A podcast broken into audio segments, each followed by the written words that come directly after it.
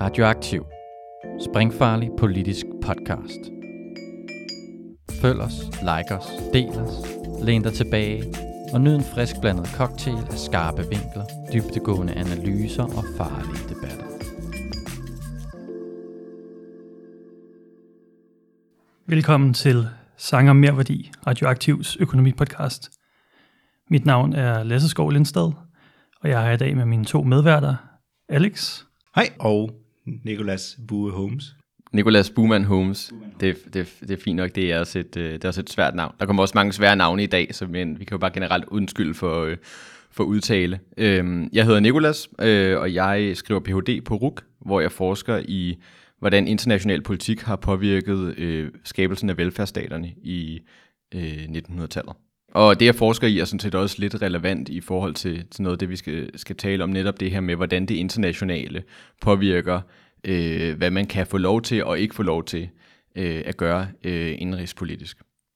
Ja, og i dag har vi jo læst bogen The Jakarta Method, øh, som er skrevet af Vincent Bevins og udkom i 2020, øh, som netop handler om, om øh, hvordan landets forsøg på at øh, gennemføre en selvstændig økonomisk model bliver overtrumfet, blandt andet af USA og andre magter, som, øh, som forsøger at, øh, at stoppe en selvstændig udvikling. Øhm, og mere specifikt så omhandler den, hvordan den amerikansk støttede indonesiske udryddelseskampagne øh, øh dræbte omkring en million mennesker. En halv til en hel million. Det er ikke sikkert, fordi der er så mange, man, øh, man ikke rigtig kan identificere. Øh, øh, I 1965. Og øh, den her udryddelseskampagne øh, det blev en, en model for en bredere antikommunistisk kampagne mod øh, forskellige bevægelser i det globale syd. Øh, øh, alt fra fagforeninger, kommunistpartier, studenteraktivister øh, rundt omkring i verden. Øh, ja. Ja, og lige før vi skulle læse den her bog her, eller da, lige før jeg begyndte at læse den, der var lige undersøgt, hvilket omtale den har fået.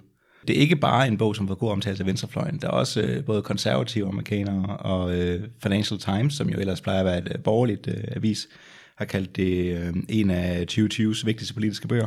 Det er, det er super interessant, og det var også noget, en af grundene til, at jeg endte med faktisk selv at læse den. Jeg havde set noget omtale af den, på, da den ligesom var på vej. Øhm, og, øh, og, og del af historien kendte man, kendte man ligesom godt. Vi havde hørt, vi, vi ved godt, og øh, vi har hørt en, også på her mere på venstrefløjen. Vi ved godt det her med, at USA har været indblandet i forskellige, øh, forskellige kup og støtte til autoritære regimer osv. for at øh, øh, fremme deres egne interesser. Øh, og, øh, men det er der så kom en bog, som, som virkede til at sige alt det her, som hvis man for eksempel læste Noam Chomsky, som Chomsky også siger, og så pludselig var, havde Financial Times den på, ja, netop som, som en af årets, øh, årets vigtigste bøger. Øh, det var også noget, der, der, der, der, hvor jeg tænkte, okay, der er virkelig noget at tage fat på her. Og det er jo meget interessant egentlig, egentlig også, hvorfor er det egentlig, at, øh, at den her den bog, den kunne blive så, så populær. Var, hvis den nu var udkommet for 40 eller 50 år siden, havde den så været, øh, havde den så været lige så populær. Der er nok et eller andet med, at nu, nu er der gået så lang tid, at, øh, at den bliver nok lidt mere... Øh, øh, at øh, så mange ting er, så meget tid er gået, og nu kan, nu kan man godt ligesom se på realiteterne, øh, uden det bliver for politisk farligt. Øhm, for lidt at bringe, man kan sige, den her bog den handler meget om fortiden. Øhm, men jeg tænker, at vi kan starte med et klip, som, øh, som er relativt nutidigt. Det er et, øh, et klip med James Woolsey, som er tidligere chef for CIA fra 1993 til 1995. Og han blev for et par måneder siden øh, interviewet på Fox News af Laura Ingraham, som er sådan en konservativ tv-vært. Øh, og hun spørger, om, om USA nogensinde har blandet sig i andre landes valg. Øh, i forbindelse om anklagerne om, at Rusland måske skulle have blandet sig i det amerikanske valg. Have we ever tried to meddle in other countries' elections? Oh, probably, but uh, it was for the good of the system in order to avoid the communists from taking yeah. over. For example, in Europe, uh, uh, in 47, 48, 49, uh, the Greeks and the Italians. We we don't do that now, though. We don't mess around other people's well, elections, Jim. Mm, nom, nom, nom, nom, nom. Only for a very good Can cause. you do that? Do a Vine video on a former CIA director. Only for a very good cause in Okay. the interest of democracy. All right, thanks for being here. It's always great to see. Jeg elsker, hvor... Altså, det, det er selvfølgelig forfærdeligt, men det er også utroligt, hvor, hvor åben han er om det. Mm.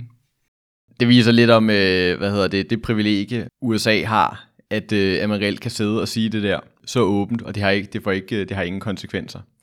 Ja, det er en rigtig hyggelig samtale, ja hvor de griner over nogle ret alvorlige øh, altså, tilståelser om at have blandet sig i andre landes valg i, øh, i antikommunismens navn, ikke? eller i kampen mod kommunismen som retfærdiggørelse, og i kampen for a very good cause, siger han, ikke? og med henvisning til, at de stadigvæk blander sig, muligvis blander sig i, i andre landes øh, demokratier og deres valg og, og den slags. Og det er, jo, det er jo det, programmet skal handle om i dag. Det er blandt andet, hvordan USA har blandet sig i, i andre landes øh, demokratier og, og undergrave deres folkelige bevægelser og deres øh, selvstændighed.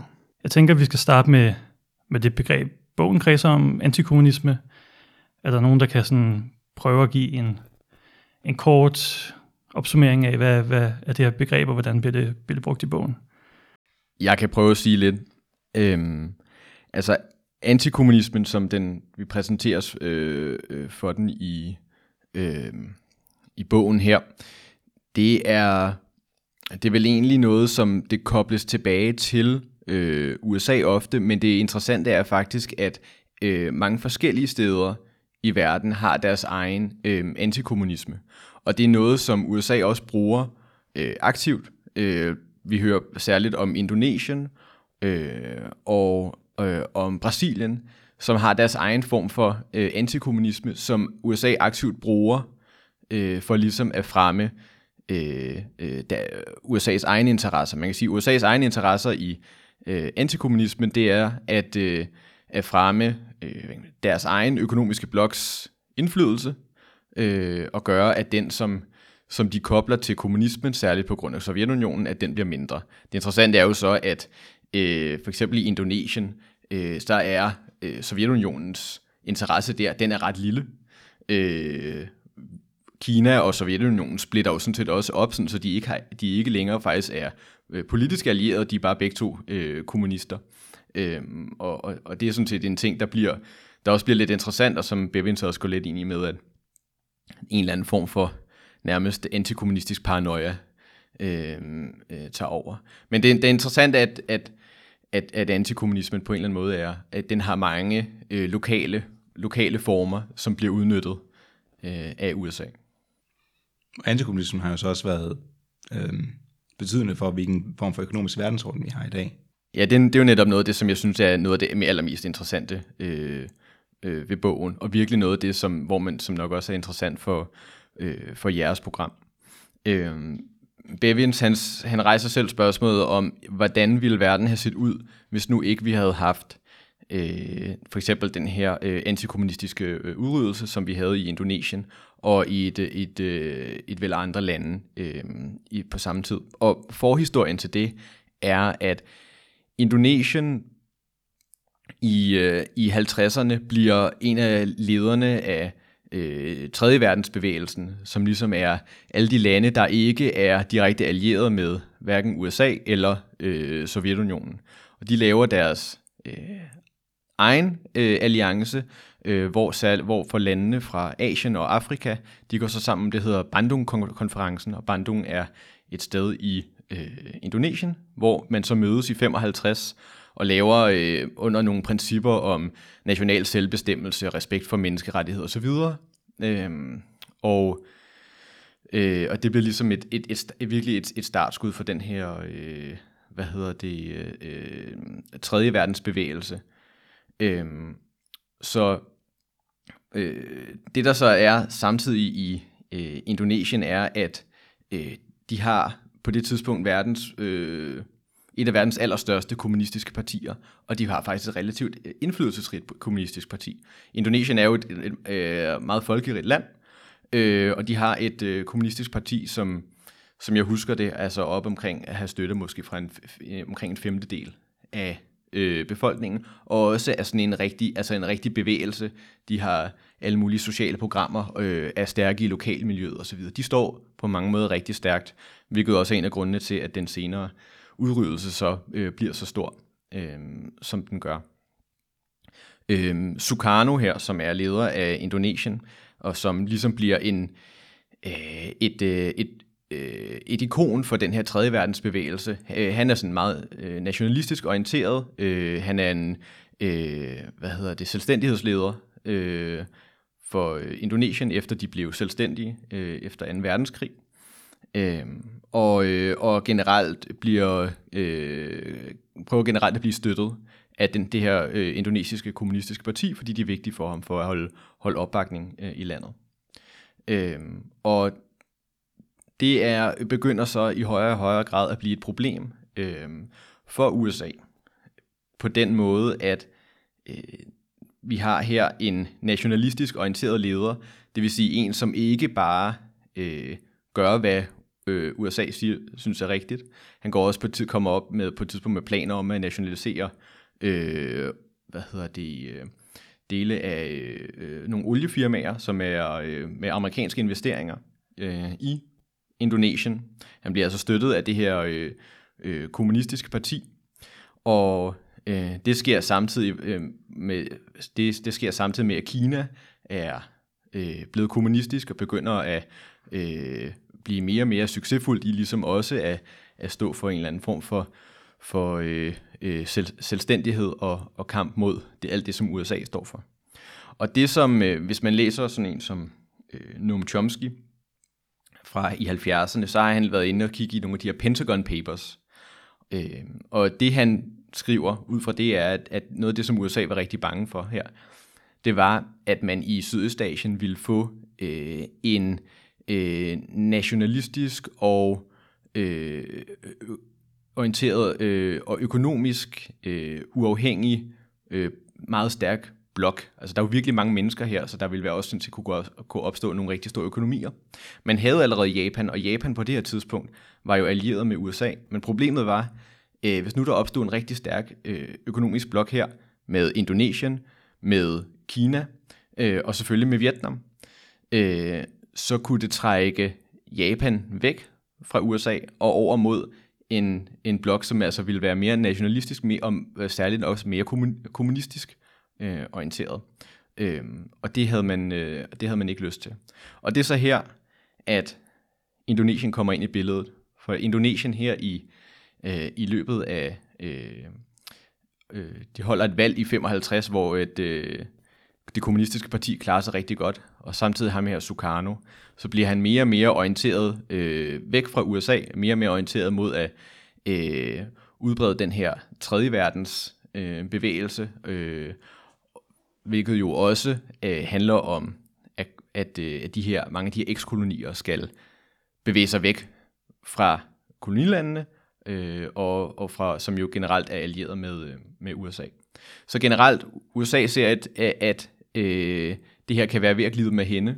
Sydøstasien kan reelt være ved at øh, glide med hende, og der kan være ved at opstå den her tredje verdensbevægelse, som, som reelt kan blive en, en trussel øh, mod øh, den økonomiske magt, som USA har. Og det er ligesom forhistorien til noget af det, der, der sker her. Og jeg tænker, jeg synes, det var spændende der, det var, at øh, Vincent Bevins kom ind på, at frygten eller problemet for USA var ikke så meget det, at Sukarno måske havde nogle nogle venstreorienterede økonomiske programmer, men det var det, at, han, at det, det, var, det var magtalliancerne, som de var frygtet, fordi at Sydkorea, der jo var amerikansk allieret, de havde jo også en del sådan, øh, hvad skal man sige, statslig indblanding i økonomien, og ting, som øh, i USA vil blive kaldt øh, kommunisme. Øh, men fordi at øh, Sydkorea var allieret med USA, så var der aldrig et problem for USA, at de foretog det. Så det her, altså det at USA's bevæggrund for det her har været, øh, hvordan de her forskellige lande forholdt sig til i den her blok, øh, magtblokke, og ikke så meget, om de havde en gavmild eller ikke gavmild øh, offentlig velfærd. Eller... Det tror jeg er meget rigtigt, og det kan vi jo også se. Øh, det springer faktisk til, tilbage til noget af, af det, jeg forsker i, som man kan sige, i vores egen lille andedam i Skandinavien har vi jo også kørt, kørt nogle politikker, som har været øh, i et øh, globalt perspektiv øh, meget venstreorienteret, men vi har fået lov til at gøre lige præcis, hvad vi ville, fordi vi har været, måske fordi det er sådan noget, det jeg skal forske i. øh, måske vel nok, blandt andet fordi vi har været så klare NATO-allierede. Øh, og, og der har aldrig været, der har aldrig været, der har aldrig været tvivl om, hvor vi stod. Øh, I Danmark har der også været en, en stærk antikommunisme i, i blandt øh, Socialdemokraterne for eksempel. Så det, det synes jeg er en utrolig, det er utrolig interessant og, og meget rigtigt. Og hvis vi zoomer ind på det indonesiske kommunistparti, så kan man jo også sige, at de var øh, med årene blev mere kritiske over for Sovjetunionen, og at deres politiske mål og den økonomiske model, de drømte om at få, var i høj grad, man kan sige, en, en borgerlig revolution øh, med jordreformer. Et af de steder i verden, hvor man faktisk gennemførte meget, meget øh, omfattende jordreformer, det var blandt andet Japan efter 2. verdenskrig, blandt andet for at få den gamle elite ud. Og, og så bagefter, så gik Japan ind på sådan en slags statsstyret, korporatistisk øh, øh, vækstmodel, som viser at være meget succesfuld, i hvert fald i deres tilfælde. Øh, og, og det var blandt andet også den økonomiske model, som også blev, blev, blev knust med antikommunismen. Ikke? Så antikommunismen og de her udryddelser af kommunistiske bevægelser, de sikrede, at der var en særlig form for kapitalisme, der kom til at dominere her i den tredje verden.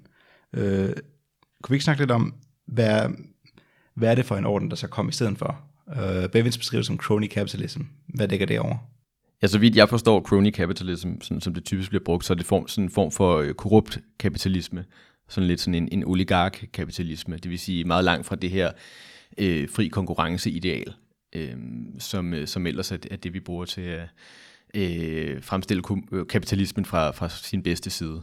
Altså en af de eksempler, vi kan kigge på i dag, som måske er meget aktuelt for crony capitalism, det, er- det er den kapitalisme, der tog over i Rusland efter øh, muren faldt, og, øh, og deres kommunisme brød sammen. Ikke? Det var nogle oligarker, som sad på, øh, på mange af de ting, der tidligere havde tilhørt staten, øh, særligt naturressourcer, store tidligere statslige virksomheder, der blev privatiseret øh, meget, meget billigt øh, og solgt til forskellige venner af dem, der sad tæt op i magtelinen. Ikke? Øhm, og det er også, Branko Milanovic, han kalder også den her form for politisk kapitalisme, at kapitalisterne er rige på grund af deres politiske magt og politiske forbindelser, og deres evne til at få vendetjenester.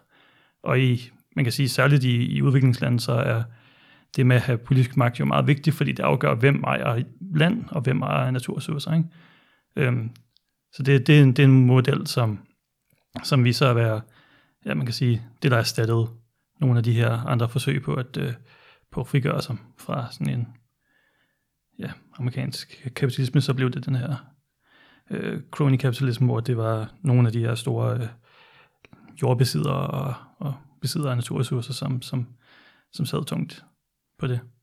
Og noget af det, som jeg synes er interessant, som, som, som Bevins også rejser, det er som spørgsmål, og, og øh, ja, det kan vi lige komme tilbage til, men det, noget af det, han beskriver, det er jo, øh, hvordan de her udryddelseskampagner, vi snakker her om, selvfølgelig om Indonesien, men der var også særligt i øh, andre steder i, øh, i Sydøstasien, og der var i, i Latinamerika, øh, hvordan at de her, nogle af de her alternative modeller blev øh, til det, der endte med at ske med den her form for mere crony capitalism, der kom til, hvordan nogle af de her øh, alternative og, og mere socialistisk orienterede modeller, de blev, øh, de blev slået væk. Og jeg synes egentlig, det er særligt, når vi nu ved, hvordan historien ender. Vi ved, hvordan det ender med, at i 90'erne, så har vi det her, hvor at, at Fukuyama beskriver, at der reelt ikke er nogen, noget alternativ øh, tilbage. Altså vi, kan, vi, vi er simpelthen øh, beskriver det som verdens, af, eller hvad hedder det, historiens slutning. Ikke? Altså vi, øh, der er ikke øh, der er ikke noget alternativ til den her form for kapitalisme, som øh, mere eller mindre hele verden øh, er ind med. Og det er jo meget interessant at tænke sig, hvad var der sket uden de her udryddelseskampagner, som øh, det er svært at sige, hvor stor effekt de har, men det ligner ret meget, at de har haft en, en, en, en, en, en vigtig betydning øh, for, at nogle af de her mere socialistisk orienterede øh, politikker ikke øh, kunne blive gennemført i, i et, et væld af lande. Så verden kunne måske faktisk have set anderledes ud, øh, hvis det ikke var for den her, øh, øh den her, de her antikommunistiske øh, udryddelseskampagner, som vi, som vi så. Og der kan vi, som nævnt før, jo pege på øh, Japan og Sydkorea, som fik lov til at have en meget interventionistisk politik. Men fordi de var øh, gode venner med USA, så fik de lov til at gøre det. Øh, og, og der fik de ligesom trukket sig selv op af, af relativt stor fattigdom, indtil at være øh, højindkomstland i dag. Og det er ikke sikkert, at det ville være gået sådan for Indonesien, hvis de havde fået lov til at, øh, at gennemføre sådan en politik. Men man kan heller ikke udelukke det, i hvert fald. Er det så også noget, I mener, der hænger sammen med, øhm, altså Brasilien for eksempel er et land, der er berygtet for et kæmpe korruptionsproblemer. Og det er Lula, der, øh, der blev kendt øh, skyldig i korruption med den her rigsretssag.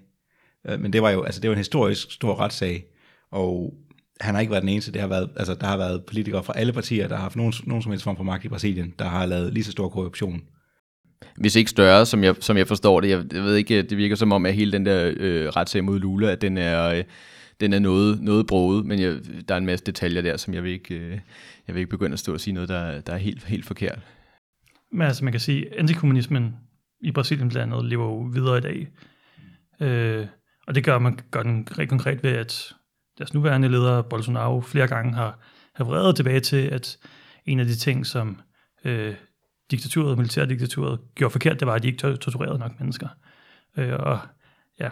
og han har, man kan sige, på mange måder øh, refereret tilbage til, at mange af hans politiske modstandere i Arbejderpartiet blandt andet selv blev, blev, øh, blev tortureret af, af diktaturet. Øh, så den her trussel om, om, øh, om hvad vi plejede at gøre ved kommunister, den sidder stadig i mange lande, som, mm.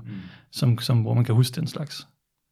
Og Bevins beskriver også i forhold til Brasilien, hvordan at øh, øh, USA øh, stod, øh, stod klar til at øh, hjælpe til at øh, øh, til at øh, kuppe øh, den præsident, de havde tilbage i starten af, øh, af 60'erne. Øh, det endte så med, at, øh, at det slet ikke blev nødvendigt, fordi den, øh, øh, at der var noget... Øh, der var noget intern modstand, der hurtigt fik, fik ham væk og fik indsat øh, et, øh, et militærstyre øh, i stedet for, hvorefter at øh, USA's støtte så øh, kom tilbage øh, til Brasilien.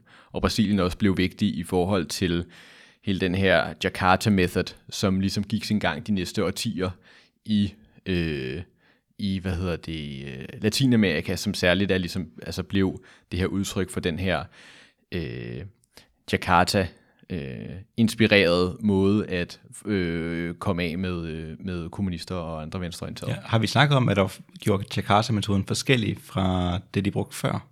Nej. Mm. Det, det kunne være en god idé at lige komme ind på det, sådan, hvorfor den hedder Jakarta-metoden, fordi det er jo, Indonesien var jo et særligt tilfælde, der, der markerede et skift i amerikanske øh, tilgang til interventioner. Og før det, så øh, var deres interventioner ved, at de simpelthen meget rå magt gik ind i et land, og påvirke politikken, øh, på, skiftede ud, hvem der var leder. Så med Jakarta-metoden, så vidt jeg forstod i bogen, det var en af de første steder, hvor de sådan, på en sofistikeret måde fik lokale alliancer, øh, bevæbnet dem og givet dem midler og grund til at, øh, at gøre arbejdet for den.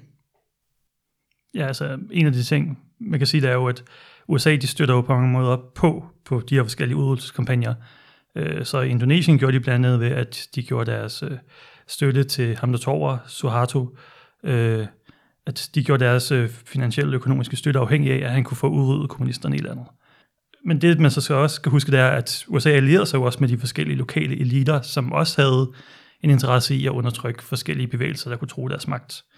Og det kunne være jordejerne, det kunne være den eksisterende elite i militæret, som måske også kunne risikere at blive udskiftet. Øhm, øh, så, så der er ofte, man kan sige, nogle, nogle lokale i udviklingslandene er det jo ofte mere aristokrater og jordejere, end det er traditionelle fabriksejende kapitalister, men altså en, en overklasse, som har en, en interesse i at undertrykke øh, bevægelser, der, der, øh, der, der tror deres magt. Og det har USA ligesom bare skubbet til med, med, med ret forskellige stærke midler, øh, men de har ligesom pustet til en, til en, til en, en modstand, der var der i forvejen. Men der er et godt kapitel i bogen, hvor en amerikansk diplomat øh, har et møde med øh, en repræsentant fra den indonesiske her, hvor de snakker om, at øh, der har været nogle, øh, nogle optøjer i udkanten af landet, og de har mistanke om, at det er optøjer, som er bevæbnet af, af USA, hvor øh, den her repræsentant fra hæren har en snak med den amerikanske embedsmand, og prøver at få embedsmanden til at indrømme, at det er dem, der har leveret våben og sådan noget, og han ved godt, at øh, altså, repræsentanten fra militæret ved godt, at den amerikanske embedsmand øh, skjuler over noget, eller ikke, ikke selv, eller bliver lovet for sin egen overordnede, men at det er noget, der handler om, at USA gerne vil have bekæmpe kommunisterne. Og han kommer så med den bemærkning til sidst i samtalen, at du skal huske på, det største antikommunistiske organisation i Indonesien er militæret, hvilket er det, der giver øh, startskud til Jakarta-metoden. Det er meget, meget interessant, at, øh, at øh, indtil da, så har USA virket det til særligt prøvet at, at skabe uroligheder ude, øh, ude på landet og støtte sådan nogle, nogle øh, nogle blandt andet øh, antikommunistiske øh, hvad hedder det, øh, revolter, øh, som militæret så ender med at slå ned. Og det er så herefter, de har den her samtale, at siger, jamen, vi, altså, i, øh, grundlæggende så bliver der sagt, hvis I virkelig vil støtte nogen, der er øh, antikommunister, så skal I støtte militæret, hvilket de så kommer til. Og i årene efter, så tager, man, så tager USA øh, rigtig mange øh, fra den indonesiske her ind, begynder at træne dem i, øh, i, hvad hedder det, i USA, øh, og, og øh, begynder at øh, levere flere, mere og mere øh, militær isenkram øh, til dem. De får jo også noget fra, øh, fra Mærsk, øh, hvilket man eventuelt kan, kan øh, vende tilbage til.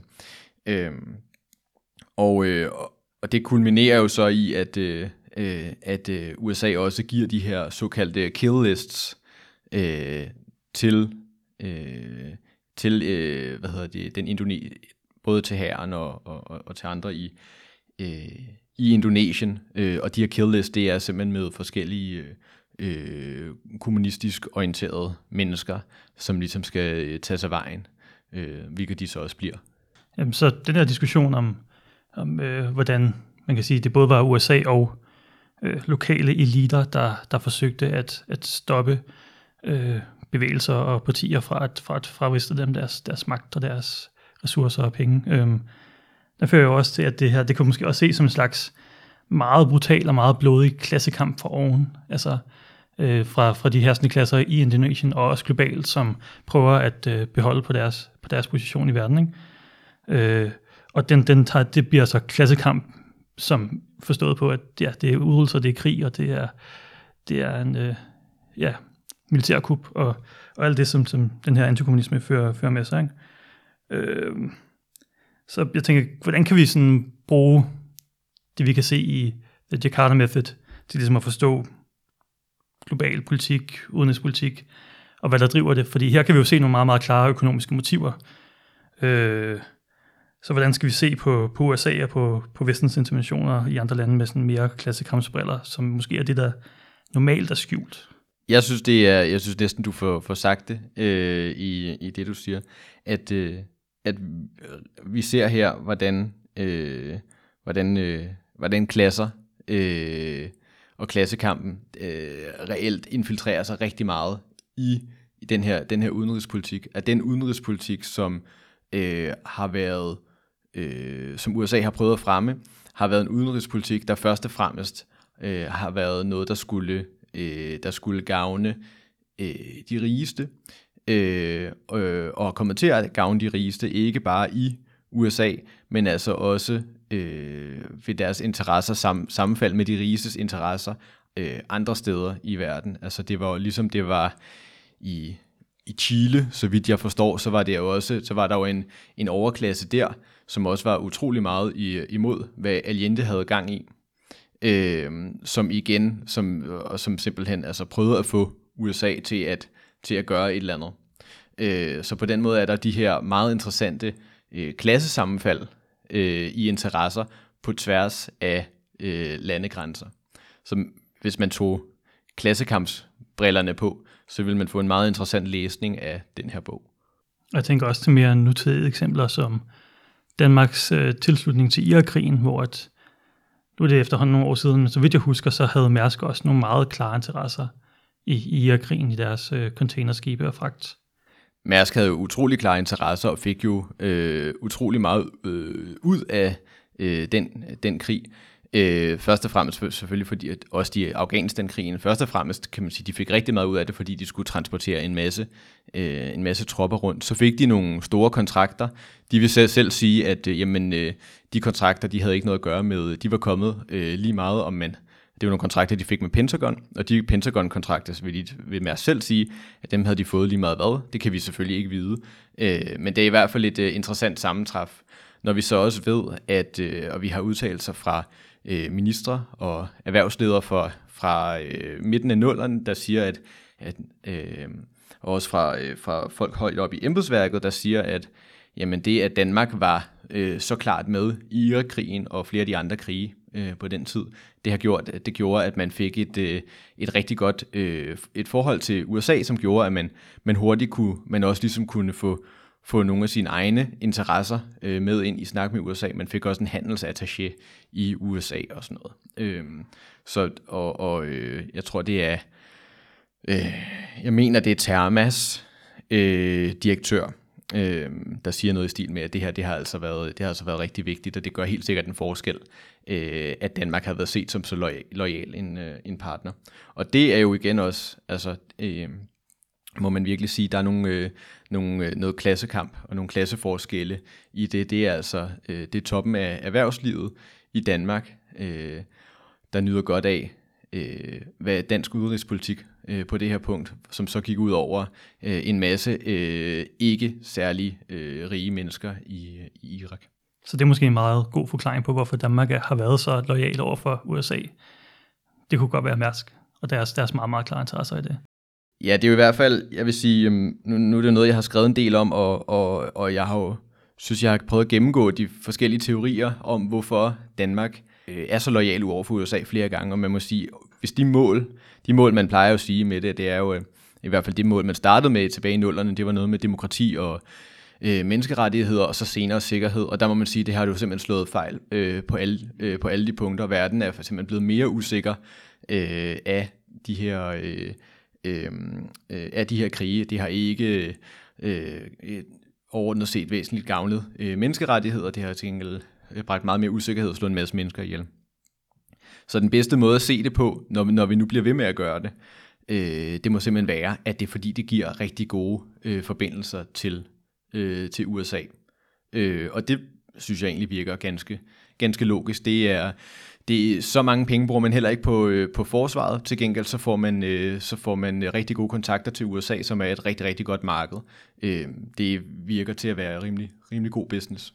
Og som, og som du nævnte før, så sendte USA, jeg ved det, sendte Mærsk øh, våben til Indonesien for øh, USA. Var det korrekt, eller hvordan var Ja, det? det, jeg mener de, de mener bare det er det Mærsk havde øh, lavet jo selv havde et øh, en del af selskabet øh, lavede jo våben øh, mm, dengang. Nå ja. Og, øh, øh, og det var så i øh, sammen med hvad hedder de, øh, Østasiatisk Kompani, som havde en del forbindelser til Udenrigsministeriet. Øh, der øh, blev der så leveret våben til, øh, øh, til Indonesien og Indonesiens hær op indtil øh, cirka 64, og det vil sige året inden øh, massakrene. Øhm, så det vil sige, og allerede på det her tidspunkt var Indonesien jo allerede, altså øh, efter at have været nogenlunde demokratisk i midten af 50'erne, blevet ret autokratisk, og, men Mærsk leverede stadig våben. Øhm, og øh, vi finder næppe nogensinde ud af, om der rent faktisk var Mærsk-våben, der blev brugt til øh, de her massakre, men det, når nu våbnene nu er blevet leveret op til, til 64, så er det jo bestemt ikke øh, usandsynligt. Jeg tænker, før vi afslutter, så kunne vi øh, prøve at øh, også prøve at tage sådan meget, hvad skal man sige, kyniske briller på. Og sige, bogen, bogen er god til at give et indblik i, hvad, der, hvad USA hvad som gjorde i Indonesien og sådan noget, og, og til, at, til at give en øh, strategi for at opnå et mål, som vi alle tre er meget uenige i, men, men du gør det på en effektiv måde. Kunne vi måske sagt lidt om, hvordan at det også er et eksempel på, hvad Rusland skulle have gjort, hvis de ville have ønsket magt i Ukraine? Fordi der har de jo på ingen måde fulgt øh, Jakarta-modellen. De har jo de har ikke allieret sig med en lokal elite. De har de er bare gået ind med rå magt og forsøgt at indtage landet på en øh, rimelig d- øh, dumpetum måde. Ja, på den måde minder, øh, kan man sige, øh, øh, øh, minder, minder det jo på en eller anden måde mere om, øh, øh, hvad USA gjorde i Afghanistan og Irak, end hvad USA gjorde i, øh, med succes under den kolde krig. Øh, og man kan sige, man kan håbe, at det ingen af dem hører det her program, øh, og lærer for meget af, hvad der, hvad der gik godt til, øh, for USA tilbage i, øh, tilbage, i, tilbage i 60'erne, selvom det jo selvfølgelig, øh, selvfølgelig skulle de stoppe med at gøre, øh, gøre noget af det. Øh, men ja, det, jeg havde faktisk ikke tænkt over den, øh, den analogi, men, men, men det er rigtigt. Jeg har egentlig ikke nogen pointe med det. Det, det er bare sådan, Nej, men det er, me- men det er meget, det er meget interessant også, og, og det, er jo, det er jo interessant at se, hvor, hvor, hvor vellykket øh, det, som øh, øh, USA foretager sig i de her år for at øh, i, i, i ant- antikommunismens navn. Altså, de, får, de kommer jo utrolig langt øh, med relativt få midler, øh, hvor man kunne sige Afghanistan, Irak eller øh, Ukraines, øh, øh, Ruslands øh, invasion af, af Ukraine, øh, er kommet u, øh, ikke særlig langt med virkelig, virkelig mange midler. Mm. Øhm, og øh, ja, det er jo, det er jo øh, kan man sige, det er in, interessant, sørgeligt, men, men, men, øh, men i hvert fald øh, interessant at sammenligne de her, øh, de her forskelle. Skal vi så gå videre til bedømmelse af bogen? Ja. Jamen, øh, på en skala fra 1 til 5 militærkup, hvor mange vil I begå for at kunne øh, læse den her bog? Hvor fem er det bedste? Hvor 5 er det Skal- bedste? Skal det lige siges. Øh, jeg hælder mest til en 4 militærkup. Øh, jeg synes, det Altså, jeg vil først og fremmest anbefale den, og jeg vil sige, den, hvis man interesserer sig for amerikansk udenrigspolitik, og, og hvorfor det globale syd er, som det er i dag, øh, og den slags, så, så er den værd at læse. Øh, Vincent Bemmens er jo journalist, og man kan godt mærke, at han er journalist. Hans måde at fortælle historier på er at tage udgangspunkt i, i de personlige historier af de konkrete mennesker, han har interviewet, og så prøve at relatere det til øh, de mere nationale og globale tendenser, der foregår, øh, og, og prøve at vise, hvordan det påvirkede meget, meget konkrete skæbner. Øh, det er et godt fortællermiddel. Jeg synes også, jeg blev en lille smule forvirret nogle gange, hvor det var svært at holde, øh, holde overblikket, når vi så hoppede fra, fra forskellige personer rundt omkring i, i, i verden. Øh, og der er stadig deler af de her, øh, man kan sige senere, øh, antikommunistiske kampagner i forskellige lande, jeg stadigvæk ikke er helt, hvor jeg stadig føler, at jeg er lidt på dyb vand i forhold til, til at kunne udtale mig om dem, og øh, hvor jeg stadig synes, der, der, der er i hvert fald mere at lære der, som man ikke kan komme ind i her, kan man sige. Ja, jeg har det på samme måde. Jeg vil også give den øh, 4 ud af 5 militærkup. Øh, af samme årsag som dig. Øh, det er en virkelig velskrevet bog. Bærer lidt præg af, at han er journalist, men... Øh, og så er der også Indonesien, et land, jeg ved alt for lidt om. Især i betragtning af, hvor stort det er. Det er jo... Hvad, hvad er det sådan? 100 millioner mennesker? Eller? Det er, jeg tjekkede det faktisk lige tidligere i dag, der er omkring, jeg tror, øh, 270 millioner. Det vil sige, det er, det, altså, vi, er næsten, vi er nærmest dobbelt så stort som Japan. Det er helt, øh, det, det er virkelig, virkelig stort, og det er et enormt, altså det er et kæmpe land. Hvis jeg sad og kiggede ind på Google Maps i dag, det er altså et enormt land, og det er jo rigtig vigtigt i dag. Jeg synes faktisk en ting, som, øh, som også lige er værd at nævne, er, at øh, øh, Indonesien lige nu er øh, USA's måske nok øh, øh, vigtigste øh, øh, militærpartner i forhold til i forhold til Kina og i Sydøstasien. Så vil sige, altså det der skete øh, der tilbage, hvor at tilbage i Sukarno-dagene, der var øh, der vækst, vækstvirkede, vekselvirkede øh, Indonesien mellem at, øh, at støtte øh, hvad hedder det, USA og, øh, hvad hedder det, og Sovjetunionen ville ikke rigtigt, var, jo netop det her tredje verdensland, ville ikke rigtigt øh, melde sig ind i nogle af blokkene, men var ligesom, øh, prøvede ligesom at finde en, en mellemvej. I dag er Indonesien helt klart over i, øh, øh, hvad hedder, i USA's lejr. Mm. Øh, og det er jo altså noget, der også skal spores tilbage til lige præcis det her, og bliver enormt vigtigt øh, de næste år. Ja, Daniel Delvire har kaldt det verdens mest underrapporterede land i forhold til befolkningsstørrelse. Det, det, kan, jeg, det kan jeg sagtens følge.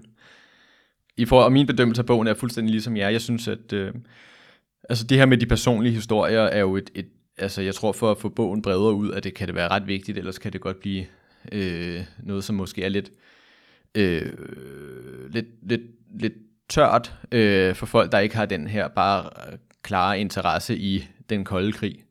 Øh, og så, jeg synes, den er øh, rigtig god og enormt interessant, særligt omkring det, der sker i, i Indonesien og, og Sydøstasien. Øhm, og så synes jeg, og også i Brasilien, som også er et land, han kender rigtig godt til, så synes jeg i forhold til nogle af ting, de ting, der sker i, i Mellemamerika i 80'erne, øh, med de her øh, death squads og så videre, der bliver det lidt mere, øh, det bliver lidt sværere, hvad jeg egentlig skal øh, trække ud af det. Og så synes jeg, jeg synes, han kommer med nogle meget interessante perspektiver, til sidst i bogen, noget af det, som vi også har, har, har talt om, men et eller andet sted er det næsten også noget, der, det er sådan nogle spørgsmål, der næsten kunne, kunne, være en, kunne være en bog i sig selv. Men jeg synes, det er, altså det er, jeg synes, det er en enormt vigtig bog, øh, og, og jeg synes, den gør det faktisk rigtig godt med nogle historier, som vi ellers øh, ikke har fået fortalt øh, særlig meget. Så de 4 ud af 5 militærkup, den er jeg med på.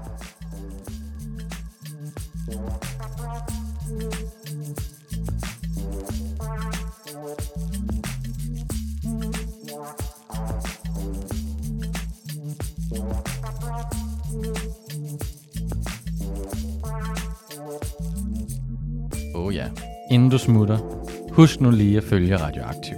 Vi er på Facebook, Twitter, på SoundCloud eller i din podcast-app. En række af vores podcasts udkommer også som video på YouTube. Du må også gerne dele os med dine venner. Hvis du er ellevild, så kan du gå ind på solidaritet.dk og blive medlem af vores medie.